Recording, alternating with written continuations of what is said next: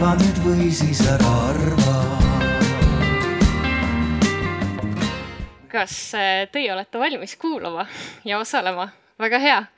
Äh, tere kõigile, äh, kes on siin kohale jõudnud Arvamusfestivali meil arutelule ja meil on ka videoülekanne veebis. tere ka neile. mina olen Joanna Kurvits, olen tegutsenud Teede Sihtasutuses ja olen tänase arutelu moderaator muidu tegutsen äh, TD Stratlabis konsultandina ja olen ka sellise projekti nagu äh, üle-euroopaline hübriidarvamusfestival projektijuht.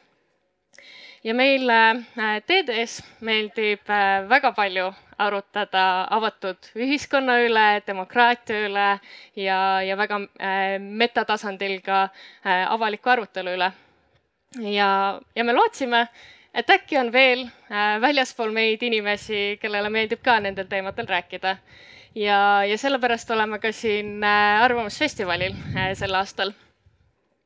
ja, ja me enda teema pealkirjaks panime natuke sellise intrigeeriva pealkirja ehk siis sotsiaalmeedia, demokraatia sõber või vaenlane kuna teid on äh, täitsa mõnusalt äh, kohal, siis saan öelda, et pealkirja intrigeeriv, intrigeeriv element ehk töötas ja, ja, ja, ja sissejuhatuseks ütlen, et, et me tegelikult sel arutelul tahaksime keskenduda rohkem sellele, et, et kuidas saaks te, siis sotsiaalmeedia rohkem olla demokraatia sõber, sest äh, Äh, me kindlasti kõik teame, et äh, ta võib väga paljuski olla ka äh, nii-öelda siis vaenlane, sest see aitab valeinfo levimisele kaasa, see annab võimu juurde ja, ja, ja jälgijaskonna saamise võimalus juurde äärmuslikele gruppidele, kuni see ka mõjutab meie endi nii-öelda äh, tähelepanuvõimet ja, ja seda äh,, kuidas me äh, mõtleme ja, ja meie kriitilist mõtlemist. et see on kindlasti oluline ja, ja, ja sellega tuleb tegeleda. aga meile teedes meeldib ka äh, sotsiaalmeediast äh, optimistlikumalt mõelda ja sellepärast tahakski tänase arutelu fookuseks seada pigem selle, et kuidas siis hmm,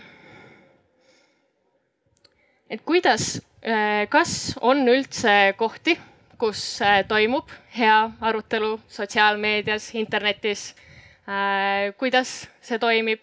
Ja, ja kas see arutelu, mis seal internetis toimub, kas see saab päriselt olla toetav meie ühiskondlikus arengus, meie nii-öelda poliitilistele otsustele positiivne tugi ja üldse aidata meie demokraatiat tugevdada ja, ja kolmandana ka küsida seda, kuidas äh, siis rohkem äh, selliseid äh, kogukondi sotsiaalmeediasse, internetti, igale poole luua.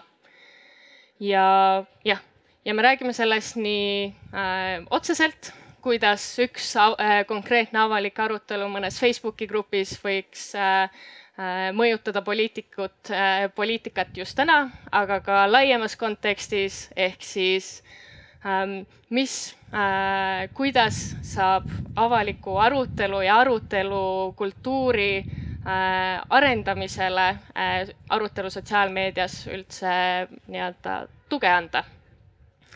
ja mul on täna siin kolm väga ägedat ja väga tarka kaasmõtlejat, aga mul on ka siin umbes kakskümmend sama väga ägedat ja tarka inimest ja millele ma vihjan, on see, et äh, tegelikult selle arutelu, mis meil poolteist tundi on, äh, tahaksin teha ühiselt. Äh, ja mis ja mida ma teilt ootan, on see, et meie arutelu põhineb kõige rohkem just teie enda kogemustel. meil on kolm suurt küsimust ja, ja iga küsimuse alguses Äh, ma ootan, et äh, teie jagaksite enda kogemusi, kuidas te olete võib-olla äh, sotsiaalmeedias, internetis diskussioone näinud, nei-, neis osalenud, arutlenud ja, ja kuidas ja, ja sealt edasi vaatame meie siis neljakesi, kuhu see arutelu ja teie mõtete põhjal meid viib ja, ja igati julgustan kaasa äh, ka küsimusi küsima, ka äh, nende samade panelistidega äh, diskuteerima. minul on olemas mikrofon, mida teile anda ja, ja ma olen väga valmis ka kaugustesse jooksma, et teile sõna anda. kuidas tundub, kas te olete selliseks aruteluks valmis? voh, peeglad on kuna seal natukene oli selliseid ka äh, äh, kõhklevaid nägusid äh,, siis me teeme väik- äh,, lihtsa äh,, väga lihtsa soojenduse. ehk siis ma käin teie kõigi juurest läbi, jooksen teie kõigi juurest läbi ja palun teil äh, kõigiga siis tutvumiseks öelda lihtsalt enda eesnime. nii, valmis? nii, ma lähen siit. Kadi. nii, lähen siit Eeva. Margo. Sille. Villu. Andra. Sandra. Tõnu. Marje. Karl. Meri. Tarmo. nii, lähme siia. Piret. Heidi. Mari. Dmitri. Kirke. Nii ülesse. Kai. väga tore. Liina. Fredrik. Looming. Rene. Johanna. väga tore. nii, kas teie soovite, nii, tutvume teiega ka. mina olen Marika. Kendra. Diana. jah. väga tore, Otto. nii, teie ka vaikselt liitute, tulge liituge, palun öelge enda nimi. Gertrud. Oliver. väga tore. nüüd on meil väga paljude inimestega tutvutud. ja loodan, et see andis teile väikse äh, julguse äh, ka edaspidi äh, sõna sekka öelda. ja ma nüüd sain aru, et see oli võib-olla halb otsus ringi joosta, sest ma hingeldan aga meil jäid tutvustamata veel kolm inimest siin ja teil ma lubaksin paar sõna rohkem endast öelda ehk siis võite ka enda perekonnanime öelda ja, ja ka äh, vastata küsimusele, et miks te arvate, et te olete siin ees selles teemas ja arutelus. jah. tere, mina olen Martin äh,. aus küsimus sellele viimasele, aus vastus sellele viimasele küsimusele on see, et ma olen osa korraldavast organisatsioonist. aga, aga sisuline vastus sellele küsimusele on see, et äh, noh, esiteks me tegime just uue demokraatia arendamise keskuse, kus me hakkame avaliku arutelu arendamisega aktiivselt tegelema ja juba tegeleme ka. aga veel enam nagu sammu tagasi võttes, siis ka mu enda magistritöö oli sotsiaalmeediagruppide ja avaliku arutelu teemaline ja, ja see on teema, millega ma olen tegelenud aastaid ja aastaid ja väga palju mõelnud ja, ja, ja kus ma arvan, et mul on arvamusi, mis ei ole võib-olla populaarsed. Äh, noor Keiv on perekonnanimi. nii, tere, kas äh, mul see asi töötab? võib-olla mitte. niimoodi. nii, proovi.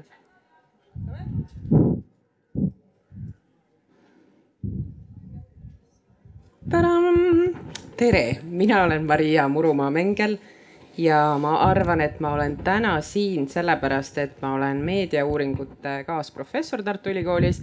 aga enne seda ma olin sotsiaalmeedia lektor, mis tähendas seda, et see nimetus juba suunas mind äh, õpetama ja uurima äh, teemasid, mis on seotud sotsiaalmeediaga ja, ja eks ma olen sotsiaalmeedia fänn, võib niimoodi vist öelda ka, sest et mind, mind tõesti vist ebaterves ulatuses huvitab see, mida sotsiaalmeedia meiega teeb, mis on mingisugused uuemad trendid ja, ja kahtlemata sel, lisaks sellele, et ma olen selle kõige suurem fänn, on ju, olen ma ka väga tige kriitik.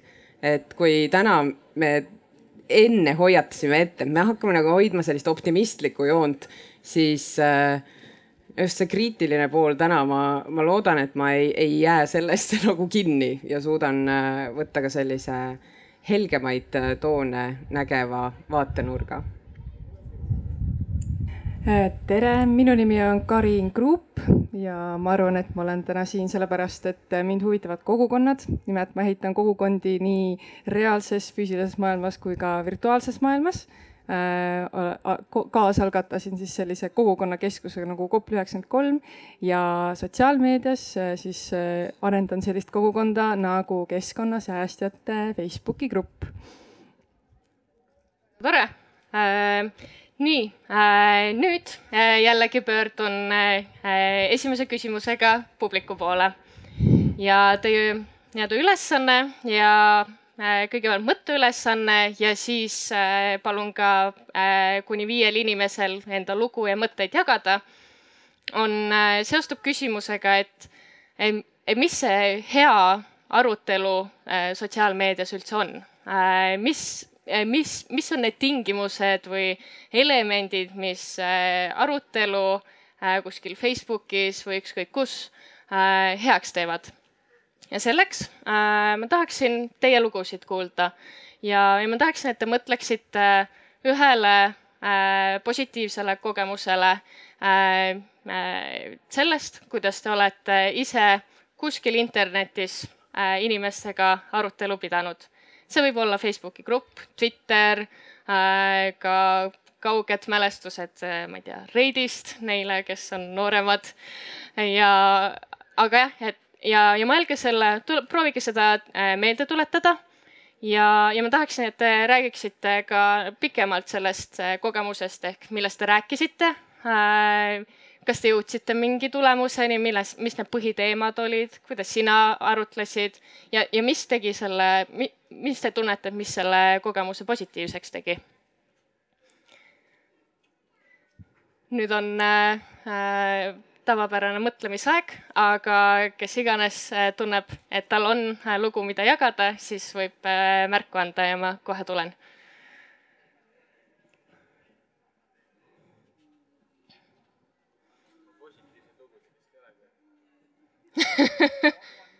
okei okay., nii võtame, alustame positiivsest, nii. vestlus oli täitsa avalikul Facebooki seinal. see oli Tallinna Inglise Kolledži direktori äh, Toomas Kruusimägi Facebooki sein, ta jagas ähm, ähm, kas artiklit või, või, või blogipostitust äh, Singapuri ähm, haridussüsteemi eduloost, kuidas nad on suutnud noh, ühiskondlikus mõttes lühikese ajaga tuua agraarse ühiskonna väga-väga kirjaoskajaks, kõrgeim inglise keele kõnelejate määr kõikidest riikidest maailmas nii edasi ja siis ma seal all osundasin asjaolule, et Singapuri, Singapur ei ole demokraatlik riik ja seetõttu Singapuri haridussüsteemi kasutamine ei ole ilmtingimata nagu see, mida me peaks Eestis eeskujuks tooma, et, et vaataks nagu demokraatlike riikide haridussüsteeme, et jõuga annab igasuguseid asju teha ja sellest tekkis üks üsna selline viljakas arutelu, argumente äh, nagu järjestikku mitmelt poolt mit,, terve hulk inimesi nagu sekkus sellesse arutelusse, ma arvan, see, mis selle edukaks tegi, oli see, et meil oli selline üks keskne küsimus, et äh, kas ebademokraatlike riikide haridussüsteemide näiteid on kohane võtta Eestis eeskujuks ja selle ümber ta keerles, aeg-ajalt üritati seda teemat nagu kõrvale sikutada aga teine edutegur, mis ma arvan, oli siis see, et olid äh, nagu kaks osapoolt ehk siis Toomas ja mina, kes olid selle nagu arutelu sellised äh, hoidjad äh,, kes tõid seda siis tagasi nendest sellistest äh, keerdkäikudest, kuhu siis vahepeal seda, seda üritati tõmmata ja, ja hoidsime seda, seda selles teemas, nii et ma arvan, need kaks sellist, sellist asja, et, et no ja mõlemalt poolt muidugi see, et me Toomasega oleme muidu nagu eh, hääd tuttavad ja, ja meil ei olnud mingit nagu vastastikust äh, isikute tasandi konflikti, aga meil oli selgelt nagu vaateline erimeelsus, mida me siis avalikult äh,, poolavalikult äh, arutasime väga tore, aitäh. kas kellelgi on veel kohe jagada äh, mõni kogemus? ma saan aru, et positiivseid on raske äh, meelde tuletada. okei okay,, nii. Äh, tere, ma ei oska nagu konkreetset hetke välja tuua, aga näiteks mulle väga meeldib Facebookis grupp Virginia Woolf in the Karva, Garda, kus siis feminismist huvituvad või feministiks ennast pidavad inimesed arutavad erinevate asjade üle siis sellise feministliku nurga all. Ja mina ise väga tihti seal sõna ei võta, küll aga meeletult naudin sellist arutelu, kus siis selgitataksegi mingisuguseid termineid. Ähm,, tuuakse välja kuidas mingit sõna võiks kasutada, kuidas mingit sõna ei võiks kasutada, miks võib-olla mingisugused narratiivid, mis ühiskonnas on levinud, on ohtlikud või kahjulikud mingitele gruppidele. et, et minu meelest selle grupi arutelud on väga huvitavad. väga hea, aitäh äh,. veel lugusid?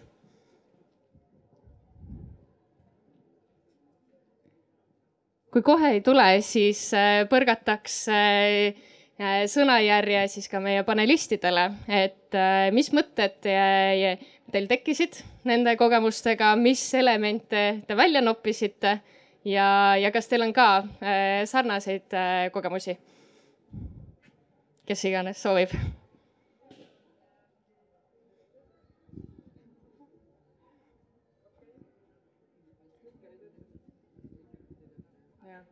selle, mul on, mul on kaks mikrit, eriti vägev. Äh, mina jagaksin siis sellist grupist äh, või keskkonnasäästjate grupist väga positiivset kogemust, et selle grupi eesmärk on noh, peamine sihuke õppimisprotsess, et äh, kuidas üldse keskkonnateemasid mõtestada, neist aru saada ja ma nii naudin seda protsessi, kuidas erinevate postituste all läheb seal suureks siukseks aruteluks, vahel ka vaidluseks ja mul on nii sageli selline tunne, et noh, et ma oskan täpselt selle ühe infokillu siia praegu panna. ma avan sellega võib-olla täiesti uue teema, aga tegelikult mul pole õrna aimugi, kuidas seda teemat lõpetada või kuidas seda, noh, mis argumente siia veel tuua, et aidata sellel arutelul kuskile jõuda. ja alati juhtub nii, et tuleb armee mingisuguseid mhm. väga ägedaid, väga hea kirjutamise, väljendamise oskusega eksperte, kes aitavad mind hädast välja, et kui tuli mingi sihuke tobe küsimus, no ei, ei, noh, siia ma ikka tahaks midagi head vastata, aga ma ise ikkagi üldse ei oska, siis keegi teine tuleb ja teeb selle töö ära minu eest. väga tore ähm,. Äh, nii äh,, kas äh, teie jah, ja teie kogemused ja, ja mis te sellest äh,, mis elemente te olete ka veel näinud? Ma hea meelega reflekteeriksin muidugi meta, metamõtestaks seda Margo näidet. et ütleme, et üks on see, et see on lihtsalt näide sellest, mis juhtus, on ju, ja teine on see, et sealt kohe saab välja pikkida mõned asjaolud, mis mulle tundub, on hästi olulised hea arutelu juures äh, sotsiaalmeedias. ja number üks on see, on ju, et, et, et Toomas ja Margo äh, tõid tagasi asja nagu mõistlikuks, noh, ehk siis nad modereerisid tegelikult seda arutelu. ja, ja noh, see on asi, mis me hakkame hiljem rääkima loodetavasti ka, et mis on need eeldused üldse heale arutelule, mina, ma teeksin niisuguse väga fundamentaalse väite, et äh, häid arutelusid on igasuguseid, aga ainus asi, mis suudab nagu tagada head arutelu või vähemalt väga palju soodustada seda, on modereerimine. Äh, et ilma modereerimiseta ei ole väga palju häid arutelusid maailmas süsteemselt. see on üks, kaks äh, on see nii-öelda sarnasus omavahel et äh, see on see ebapopulaarne mõte, mis ma tahan väljendada, see, et minu meelest mullistumine on väga hea asi. mullides inimesed on piisavalt sarnased, et nad võivad üksteisega mitte nõustuda, aga mitte laiali minna. nagu rahvusriigid et meil on piisavalt palju sarnasust, et me võime mitte nõustuda, minna ja valida era, valimistel erinevaid erakondi, aga mitte lahku minna. Äh, ja, ja, ja nii-öelda avalik arutelu kui selline on liiga suur, liiga keeruline, seal ei ole võimalik üksteisega mitte nõustuda ja, ja mitte lahku minna. et noh, et polariseerumine ongi see mittenõustumine ja lahku minemine, see, et ma ütlen, teine ei ole enam meie, et see on meie ja teie, nemad enam ei ole meie ja, ja sellest, selle arutelu näitena, et ongi, seal piisav sarnasus, et oli võimalik pidada arutelu ja mullid on selles mõttes head, et seal me saame pidada häid arutelusid ja, aga see on eraldi pikk teema, millest mm -hmm. arutada pärast mm. -hmm sellega jah, ma arvan, et päris paljud inimesed tahaksid, on ju, kohe hakata vaidlema, et, et ei, kuidas sa saad niimoodi öelda, kas ma sind tsiteerida tohib, on ju. aga tegelikkuses vist tõepoolest, et sellist mullistumist ja omadega omasugustega kokkuhoidmist on ju kogu aeg olnud, et selles ähm, noh, tehnoloogia toob uued dimensioonid sisse, aga see, see nagu psühholoogiline alusvajadus on üsna pikka aega juba olnud meiega. ja samamoodi minu meelest oli siin väga hästi oli välja toodud ka veel see, et see ühe teema piires püsimine, mis laiade teemadega, noh, see on keeruline, sest et kui me räägime valeinfost või noh, seesama, mis me siin praegu räägime, et sellel on äh, võimalusi mitmeid, kuidas minna ühte või teise suunda ja siis on tore, kui sellel, sellel arutelul on olemas mingisugused inimesed, kes kas on siis vabatahtlikult või kuidagi mingisuguse, ma ei tea, kapitali või, või sellise erilise prestiiži alusel võtnud endale selle teema arutelu hoidja rolli. Ja sellepärast ma olen nõus sellega, et mode-, modereerimine kui sotsiaalmeedias selline noh, mingisuguse loogilise kulgemise äh, või loogilise arutelu edenemise äh, tagaja on hästi oluline no modereerimist on ka igasugust erinevat, et oleneb sellest grupist, oleneb sellest eesmärgist, aga kui see on spetsiifiliselt just nimelt arutelude arendamiseks, siis kindlasti Martin teab sellest rohkem, kuidas seda täpselt tehakse aga üks asi veel ja mida on vist väga raske või noh, üks, see on üks kõige keerulisem osa, on see, et, äh, et sa kirjutad välja mustvalgelt või mis iganes toonides teie ekraanid on. sa kirjutad välja selle, et aa, ma ei olnud niimoodi mõelnudki. vabandust, et nagu mul ei olnud see pähe tulnud. näiteks, ma toon hästi konkreetse näite. Jakob Rosin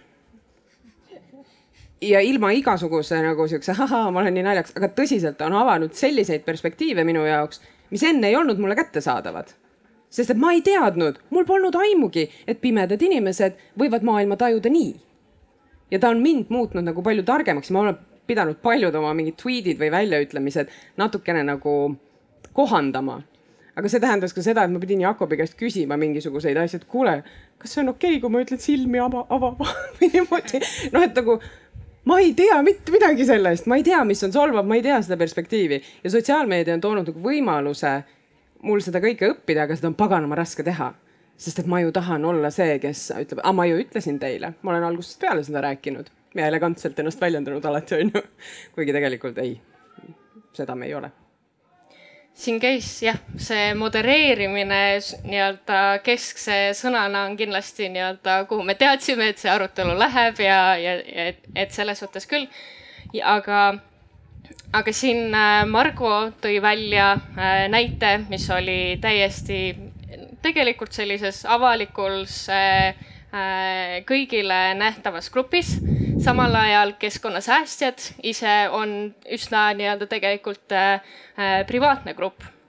mul on ja minu küsimus ja, ja selline, kuhu võiks see arutelu minna, on see, et, et kuidas see äh, mõjutab äh,, kus täpselt, mis nii-öelda sotsiaalmeedia nurgas äh, me seda head arutelu peame? no eks see sõltubki teema keerukusest väga paljuski, et vahel on ühiskonnas eh, mingid teatud teemad on natukene põletavamad kui teised, et ma arvan, et eh, nagu päris maailmas, päris elus on ju ruumi on vaja hoida, modereerida, siis eh, sotsiaalmeedias selles mõttes see issanda loomaaed on veel kirjum, et mm -hmm. need mullid, natuke lihtsam on hoida seda mulli päriselus sa pead võib-olla kaugelt kohale sõitma, et leida need ullikesed, kes sinu mulli hakkavad lõhkuma. aga sotsiaalmeedias seda distantsi probleemi ei ole et see võib väga kergesti, väga kiiresti juhtuda. ehk siis eh, noh, keskkonnasäästjast keskkonnateema ju issand, sihuke sõjatander on see, et, et seal me ikkagi väga konkreetselt kaitseme mingis mõttes seda mulli, mis on tekkinud ja reguleerime seda eh, nii-öelda tempot, millega inimesed jõuavad ennast kohale või kurssi viia nende teemadega ja juba nende õppetundidega, mis me koos oleme seal saanud. et me ei saagi vastu võtta tuhandeid inimesi, mistõttu me oleme ka privaatsed, et me ei saa lihtsalt lubada, et inimesed noh, tulevad, lähevad, teevad, mis tahavad. et noh, mingi teatud koguse lihtsalt, et nad ei hakka kogu seda atmosfääri seal enam rikkuma, et me mm -hmm. nagu mhm. tõeliselt ikkagi kaitseme seda, mis seal on mm. -hmm. meil on, meil on paar ülivägevat äh, tudengitööd, üks nendest bakalaureusetöö ja üks magistritöö, mis on keskendunud äh, ühe osana sellele, kuidas äh, massigruppe modereeritakse. soovitan soojalt. Kaarel Loti bakalaureuse-töö ja Liisi-Maria Muuli magistritöö, superhead. Äh, ja, ja nendest intervjuudest nende moderaatoritega on välja tulnud nagu noh, palju sellist, mis on ootuspärane. Ja tegelikult teame seda, aga, aga teiselt poolt ka väga selliseid platvormi spetsiifilisi asju, nagu näiteks ähm, Facebookis on selline huvitav, ma ei tea, sihuke nagu nurgake või, või praktika, äh, kus häbistatakse erinevaid äh, asju, äh, alates sõrmustest kuni pulmakleitide, kuni abikaasade, koerte halva parkimisoskuse, no mille iganes ja, ja need grupid sageli alustavad sellised, me oleme naljakad ja meil on väike siseringi nali, kus on, ütleme siis mingi sada, kakssada inimest ja nad võivad plahvatuslikult kasvada, näiteks kolmsada tuhat inimest on sul järsku grupis. et, et mida sa siis teed? ja need inimesed, kes on selliste gruppide moderaatorid, nad äh, intervjuudes rääkisidki sellest, kuidas alguses oli nii palju lihtsam ja elu oli nii ilus, sest et kõik said naljadest ühtemoodi aru, reegleid ei olnud vaja mustvalgelt kuidagimoodi kirja panna, kehtestada, aga nii kui tekib grupi noh, teatud mõttes nagu heterogeensemaks muutumine et tuleb palju erinevaid inimesi juurde, siis on vaja hakata igasuguseid reegleid kehtestama, et tuleb ikka öelda, et ära niimoodi palun teistega räägi. ja siis, et äh, meie siin grupis noh, ei tee seda mingi päris ellu minemist näiteks või, või noh, mingisugused igasugused asjad tuleb nagu välja kirjutada. Ja see on suur töö, et nagu modereerimine, asi, mida inimesed teevad tasuta, väga vähesed inimesed saavad Facebooki gruppide modereerimise eest nagu reaalset tasu ähm, mis on nagu majanduslikult äh,, majanduslik kapital siis, siis äh, see, see töömaht on tohutu ja reeglina need inimesed ikkagi noh, ei jaksa päris kakskümmend neli seitse seal ka olla. no ja siis muidugi tulevad äh, moderaatorid, adminid appi ja nii edasi, et Ukrainas ukrainlaste abistamise grupp tegi läbi midagi sarnast, nagu ma aru saan. et algas väikese, ma tahan aidata neid, kes siia on jõudnud ja siis järsku nädal aega hiljem on sul viis tuhat inimest liitunud ja sa, sa pead võtma vastutuse mm, -hmm. et nagu keegi ei petaks, keegi keegi ei jagaks valeinfot, ei kasutaks ära, et see on nagu sihuke, võtab hinge kinni ja sellepärast võib-olla ongi tarvis, et me räägiksime just nimelt sellistest äh, parimatest modereerimispraktikatest, et kui me kunagi leiame ennast sellest olukorrast, kus noh, midagi on heas või halvas mõttes üle käte läinud grupi ja avaliku arutelu äh, haldamise mõttes, siis me teame, mida teha. see, see tasu sõna siin on tegelikult päris hea et täna peamised inimesed, kes saavad tasu selle eest, et modereerida sotsiaalmeedia arutelu, töötavad Kremli heaks. Äh, ehk siis meil on inimesed, kelle töö on avalikku arutelu nihutada halvas suunas. ütleme selles mõttes, et Vene, ma lähen nüüd teemasse, mis ei ole võib-olla see meie põhiteema siin, on ju, aga ütleme siis nii-öelda noh, Kremli strateegia ei ole olnud nihutada avalikku arutelu läänes mingis konkreetses suunas, vaid seda, kas ma võin öelda, fuck ida appida, fuck ida appi äh, teha niimoodi, et see läheks võimalikult halvaks, võimalikult negatiivseks, võimalikult palju tülli. ei ole oluline, mis teemal ja inimesed saavad raha selle eest, et teha, tegeleda aktiivselt antimodereerimisega selles mõttes mm. äh,. aga okei okay,, see on nagu teine asi, et noh, et küsida, kas me ei peaks sama tegema siis, kui me tahame head arutelu võib-olla me võiksime maksta inimestele, kes teevad hea, head avalikku arutelu.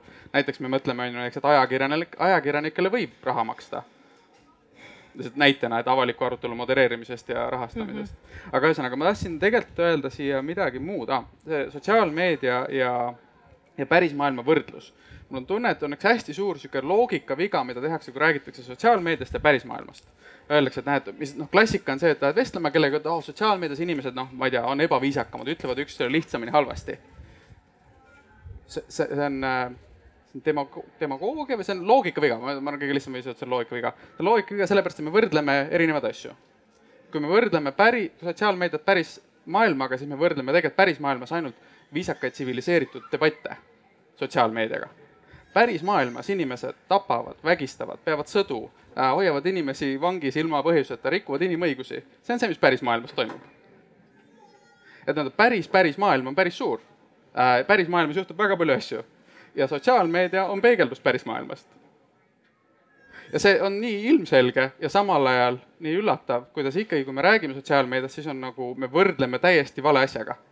et sotsiaalmeedia on lihtsalt pärismaailma reflektsioon ja pärismaailmas on väga palju kohutavaid asju. praegu käib Ukrainas sõda, sotsiaalmeedias ei ole midagi nii hullu äh, ühesõnaga, et sotsiaalmeedia on parem kui pärismaailm, esiteks. Äh, teiseks, sotsiaalmeedia on mitmekesine ja see on ka väga oluline siin, see, mis Johanna ka küsis, on ju, et, et, et nagu päris maailmas on erinevaid kohti, et siin me istume, räägime juttu, siit kakskümmend meetrit edasi ma võin istuda ja pissida on ju, aga kui ma siin pissiks, see oleks ebaviisakas äh,. sotsiaalmeedias on ka kohti, kus inimesed käivad pissimas, nii-öelda mõtte, metafoorilises mõttes, ja kohti, kus inimesed käivad juttu rääkimas omavahel, need on erinevad kohad.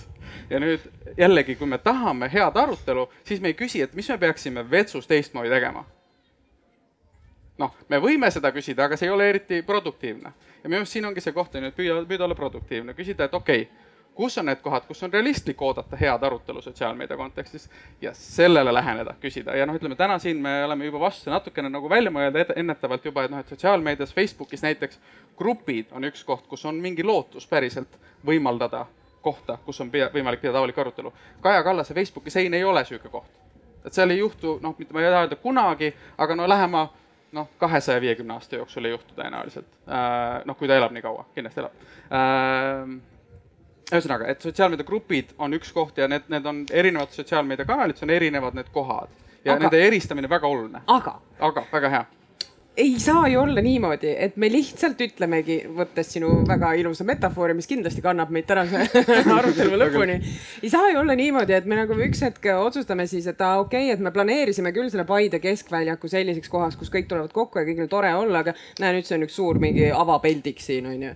et nagu mina ei ole sellega nõus, et me oleme loonud avaliku ruumi selleks, et seal saaks juhtuda midagi nagu informatsiooni mõttes mingisugune üksteist respekteeriv avaliku infovahetus, on ju. aga siis me kujundame selle kuidagimoodi töö käigus selliseks, et see teeb, seal tehakse hoopis midagi muud ja siin ma räägin eelkõige äh, noh, miks mitte ka poliitikute Facebooki leheküljed, aga veel rohkem siiski näiteks uudiste äh, all toimuvatest aruteludest, need komment-, noh, mitte isegi nagu kommentaariumid, mis on erinevate meediaväljaannete endi lehekülgedel, vaid äh, need, mis äh, sotsiaalmeedias jooksevad meile ette läbi selle, et meie sõbrad neid on kommenteerinud või midagi muud säärast. vot sellega ma ei ole nõus, et me nagu lihtsalt ütleme, et noh, pissivad see tuleb nagu tagasi ikka võtta, et kuidagimoodi on ju võimalik loodetavasti see avalik aruteluruum ikkagi päästa, aga vot see on see, kus ma olen sihuke idealist ja see positiivne mõtlemine lööb minus välja mm. -hmm. no ma ei tea, ühesõnaga, ma ütlen midagi, kas on okei okay? jah, on okei okay.. Te võite öelda, kui ei ole okei okay., tähendab, ma loodan, et te hakkate ka vaidlema meiega. kas te olete, tegelikult, kui teil on kohe asju, mis tahate öelda, siis te võite kohe öelda äh, ma ütlen siis kohe asju äh,. jah, me ei peaks lihtsalt jätma seda nii, nagu ta on, me peaks midagi tegema. selleks, et midagi teha, mina usun seda, et maksab vaadata tagasi ajalukku ja küsida, kuidas on varem positiivsed asjad välja arenenud.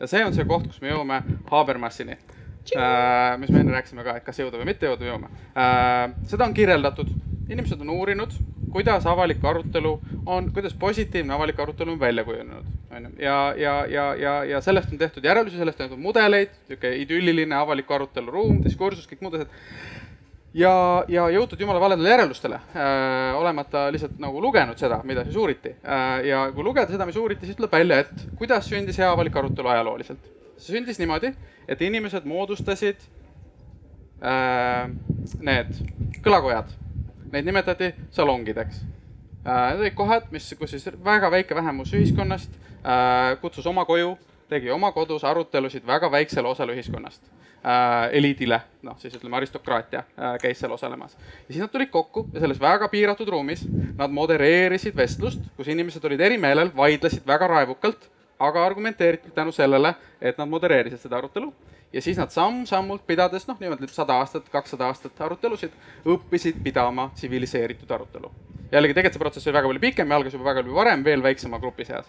ja, ja, ja siis nad lõid, mille nad lõid ajalehed äh,. see, mis nad olid, ajalehed, ajalehed olid kirjad salongide vahel äh,. ehk siis kiri, et on ju, meil toimus arutelu, me jõudsime kuhugi, panime kirja, kuhu me jõudsime, avaldasime ja siis teised salongid lugesid seda, arutasid seda intellektuaalselt siis vaidlesid selle üle, vastasid teise kirjaga, meie meelest on hoopis teistmoodi natukene, siis see võttis ka natuke aega siis me saime ajakirjanduse. Mis oli väga toimetatud, modereeritud, väga piiratud osalejaskonnaga avalik arutelu ja see on meie ideaalpilt sellest, kuidas avalik arutelu käima peab. ja nüüd, kui me seda nagu püüame ajalooprotsessi üle kanda siia, siis ma ütleks, et see, mis meil toimub täna kõlakodades, on, on sama salongide protsess, lihtsalt hästi-hästi-hästi-hästi-hästi palju suuremal skaalal juhtumas korraga hästi suures maailmas ja, ja hästi kiiresti. ja hästi kiiresti, mis on tegelikult positiivne, me jõuame palju kiiremini positiivse järelduseni, ainult see võtab lihtsalt hästi, noh, ikkagi mingi sada viiskümmend aastat aega. aga äkki ei ole vaja ikkagi seda kiirendamist siia, sest et võib-olla see, et see võttis nii kaua aega, oligi see, miks see töötas. et kui praegu, kui me mõtleme sellele, kuidas me sotsiaalmeedias suhtleme, siis see on no näiteks, kui ma näen midagi huvitavat ja ma seda kuidagi eraldi enda jaoks ei pane kuskile, kas mingi salvestatud äh, asjadesse või midagi muud, siis on kadunud, ma ei leia seda pärast, ma ei mäleta neid märksõnu, millega seda otsida ja nii edasi. et nagu millelegi reageerimine peab toimuma nüüd ja kohe või hiljem sa ei leia seda enam ülesse, et see kipub olema nagu sellise tänase sotsiaalmeedia loogika, et see läheb kiiresti mööda. ja, ja see ei anna mulle ruumi ja aega mõelda sellele, et kuidas ma tahaksin sellele tegelikult reageerida ja mulle tundub, et noh, mitte, et ma ütleksin, et ei, nüüd lähme kõik tagasi, hakkame kirjutama, kõigepealt organiseerume salongidesse ja siis hakkame üksteisele kirju saatma. mitte nii, onju. aga äkki on kuskil seal mingisugune selline, kus me anname nagu tehnoloogilise nügimise, mingisuguste platvormide lubavustega inimestele aega, aga siin taaskord ma olen idealist ja arvan, et äh, platvormid on sellisest asjast huvitatud no minu meelest ka sotsiaalmeedia kui platvorm ise ongi juba arenenud, sündinud nii meeletu kiirusega, et vähemalt ma ise kogen seda, et ka see kohanemine ja ka nende enda ruumi hoidmise oskuste areng ikkagi tõuseb, et juba lihtsalt puhtalt see, et infomüra on nii suur, et ei jaksa enam reageerida igale väiksele nüansile. et seda enam inimesed ise hakkavad justkui nagu salongistuma, ennast kuidagi kontsentreerima ja kaitsma, et jah, muidugi mitte võib-olla kõik inimesed on paljud ka need, kes on tuulet keerises ei saa mitte millestki aru, aga päris palju ka need, kes väga väga teadlikult valivad, et millistest aruteludest äh, sotsiaalmeedias oppidest nad võtavad osa ja millistest nad ei võta osa, et noh, et kus pissitakse, et nad ei lähe sinna, nad on aru saanud mm. -hmm. ja väga põnev vestlus. Äh, kas kellelgi on veel mingeid küsimusi või mingeid mõtteid, mida ta tahtis öelda? nii, ma kohe jooksen -hmm. nii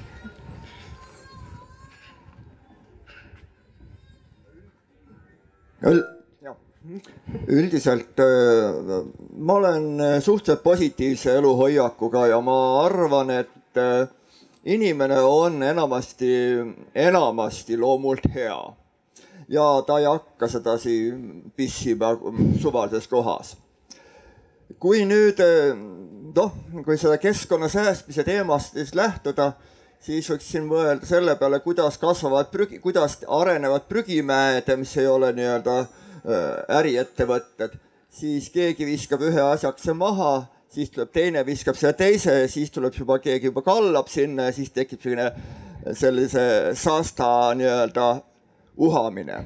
nii et kui kuskil ajalehes hakkab selline saasta ladumine peale ajalehe kommentaariumis või, või, või ka Facebookis siis on, äh, tuleb otsida seda, kes see oli see esimene, kes seda hunniku sinna lasi sotsiaalsesse keskkonda, mis, kes oli see ajakirjanik, mida ta sinna, millal ta sinna kaaskodanikele üritas pähe lasta või kes oli see provokaator, kes üritas seda gruppi täis teha.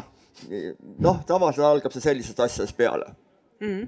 kusjuures ähm, see on noh, sotsiaalteooriates ka meile hästi tuttav, et see on siis raamistamise teooria, mida ma ei tea, mingi aastakümneid ja kümneid.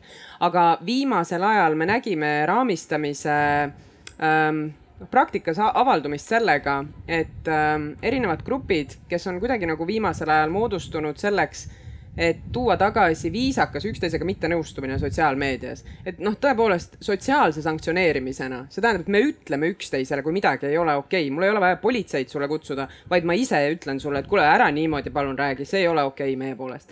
et, et nagu sotsiaalmeedias ka näidata seda, et öelda, et, et see ei ole okei okay., näiteks on äh, selline liikumine nagu Mina siin ja Mina siin grupis äh, pandi väga kiiresti tähele just nimelt seda, et kui esimeste kommentaaride seas on selliseid mõistlikule diskussioonile kutsuvaid, viisakaid arvamusavaldusi, siis teised hakkavad seda peegeldama. Ja sellist solki, noh, mida ma ei hakka siin kordama, onju, tuleb nagu vähem see ei ole nüüd meil korralikult uuringuna ära vormistatud ega läbi viidud, aga väärib seda kindlasti, sest äh, tundub, et äh, see, kuidas me alustame mingisuguseid jutuajamisi, olgu see mingisugune uudise all toimuv mingi miniarutelu või olgu see mingi suur arutelu, on kriitiliselt tähtis.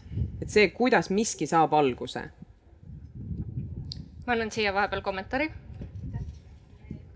tahtsin öelda seda, et äh, kui me räägime sellest nii-öelda pissimisest, siis nii palju, kui on inimesi, minu meelest nii palju on ka arusaamine, arusaamisi viisakusest ja verbaalsest pissimisest, et mis on ühe jaoks pissimine, on teise jaoks võib-olla täiesti tavaline suhtlus.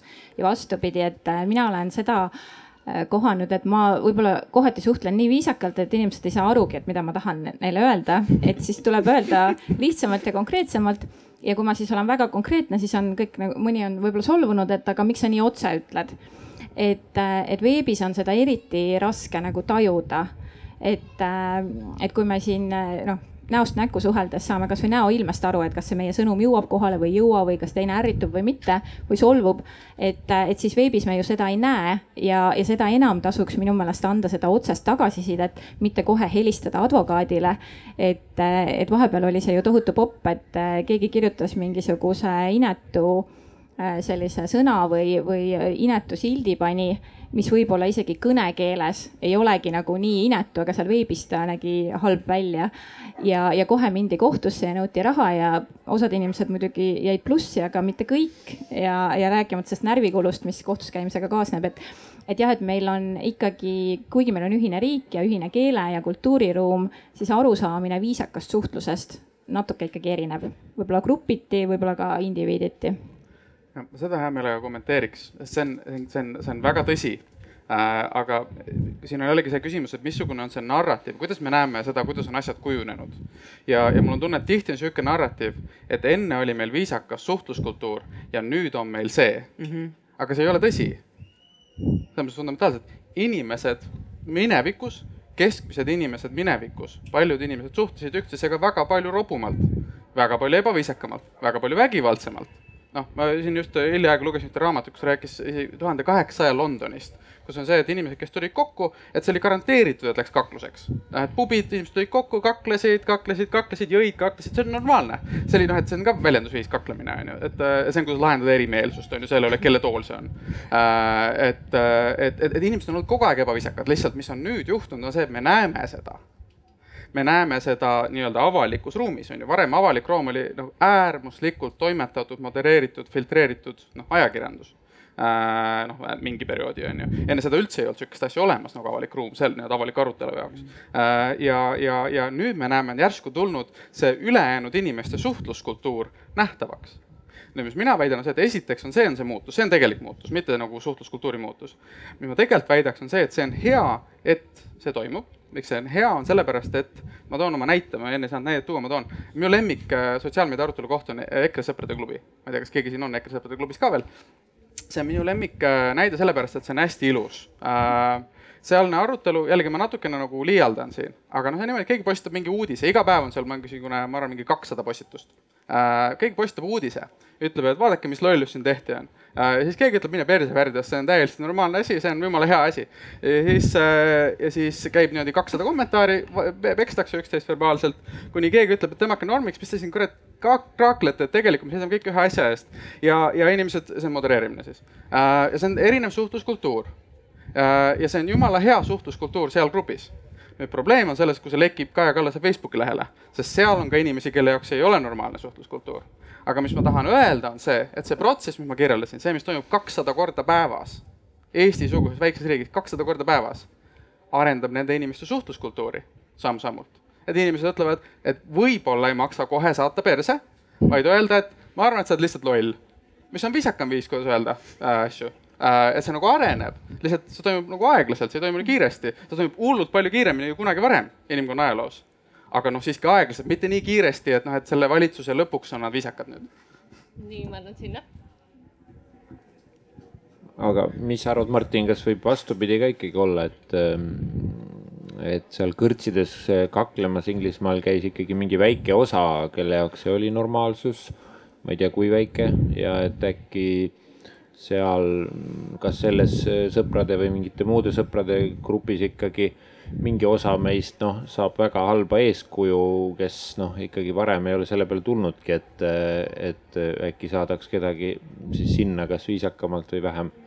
väga hea, see oli minu küsimus mm -hmm. ka ja,. jah, muidugi selles mõttes jah, muidugi ongi kompleksne Äh, ja, ja kindlasti on ka vastupidi, seda küll, et kui paljud osalesid avalikus arutelus seal kõrtsis ja ütleme, see oli isegi avaliku arutelu küsimus, on see, kuidas üldse inimesed suhtlesid omavahel.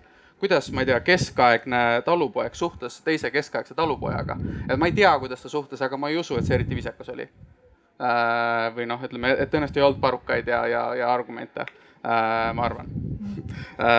et aga jah, muidugi on negatiivne mõju ka selles suhtes, tähendab negatiivne mõju muidugi nagu üleüldse nagu domineeriv muidugi, selles ei ole kahtlust, ma ütlen, et lihtsalt, et see, mis nendes gruppides toimub, et see saab olla positiivne, A ja B. Kui me näeme, et miski asi, mingid asjad on ühiskonnas, osad on positiivsemad, osad on negatiivsemad, siis meil on kaks valikut, mida teha.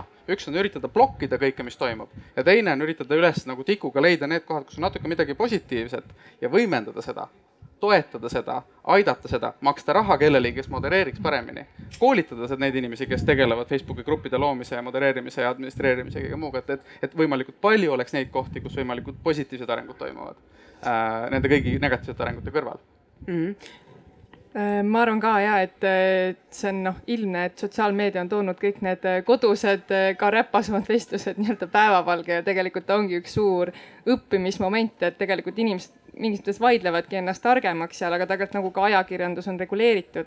et kõikide uute tehnoloogiatega, mis tulevad, alati algus on nagu paras segadus, et me ei tea on ju, kuidas ka Bolti tõuksiga on ju turvaliselt sõita algusest tänaval, täpselt samamoodi me ei tea, kuidas sotsiaalmeedias peaks ennast väljendama, kuidas arutama, et, et muidugi ka see, ka siia jõuavad juba vaikselt, tegelikult reguleeritakse ka seda ruumi ka seadustega, et see ongi niisugune loomulik protsess. et me, mis me peame ära tabama, et me, me ei saa hakata nüüd iga inimese sotsiaalmeedia liigutust kontrollima ja karistama, aga praegu ongi see moment, kus me otsime neid kohti, kus hästi tõhusalt leida üles need viisid, kuidas seda asja siis natukenegi suunata siukseks sõbralikumaks ja mõistlikumaks tõmmata. et praegu ongi selline otsimise ja arenemise mm -hmm. periood mm. -hmm ja see ei ole ka päris, sest me oleme kogu aeg praegu lähtunud nagu sellest, et noh, see on ju avalik ruum on ju ta-ta-ta-ta-ta.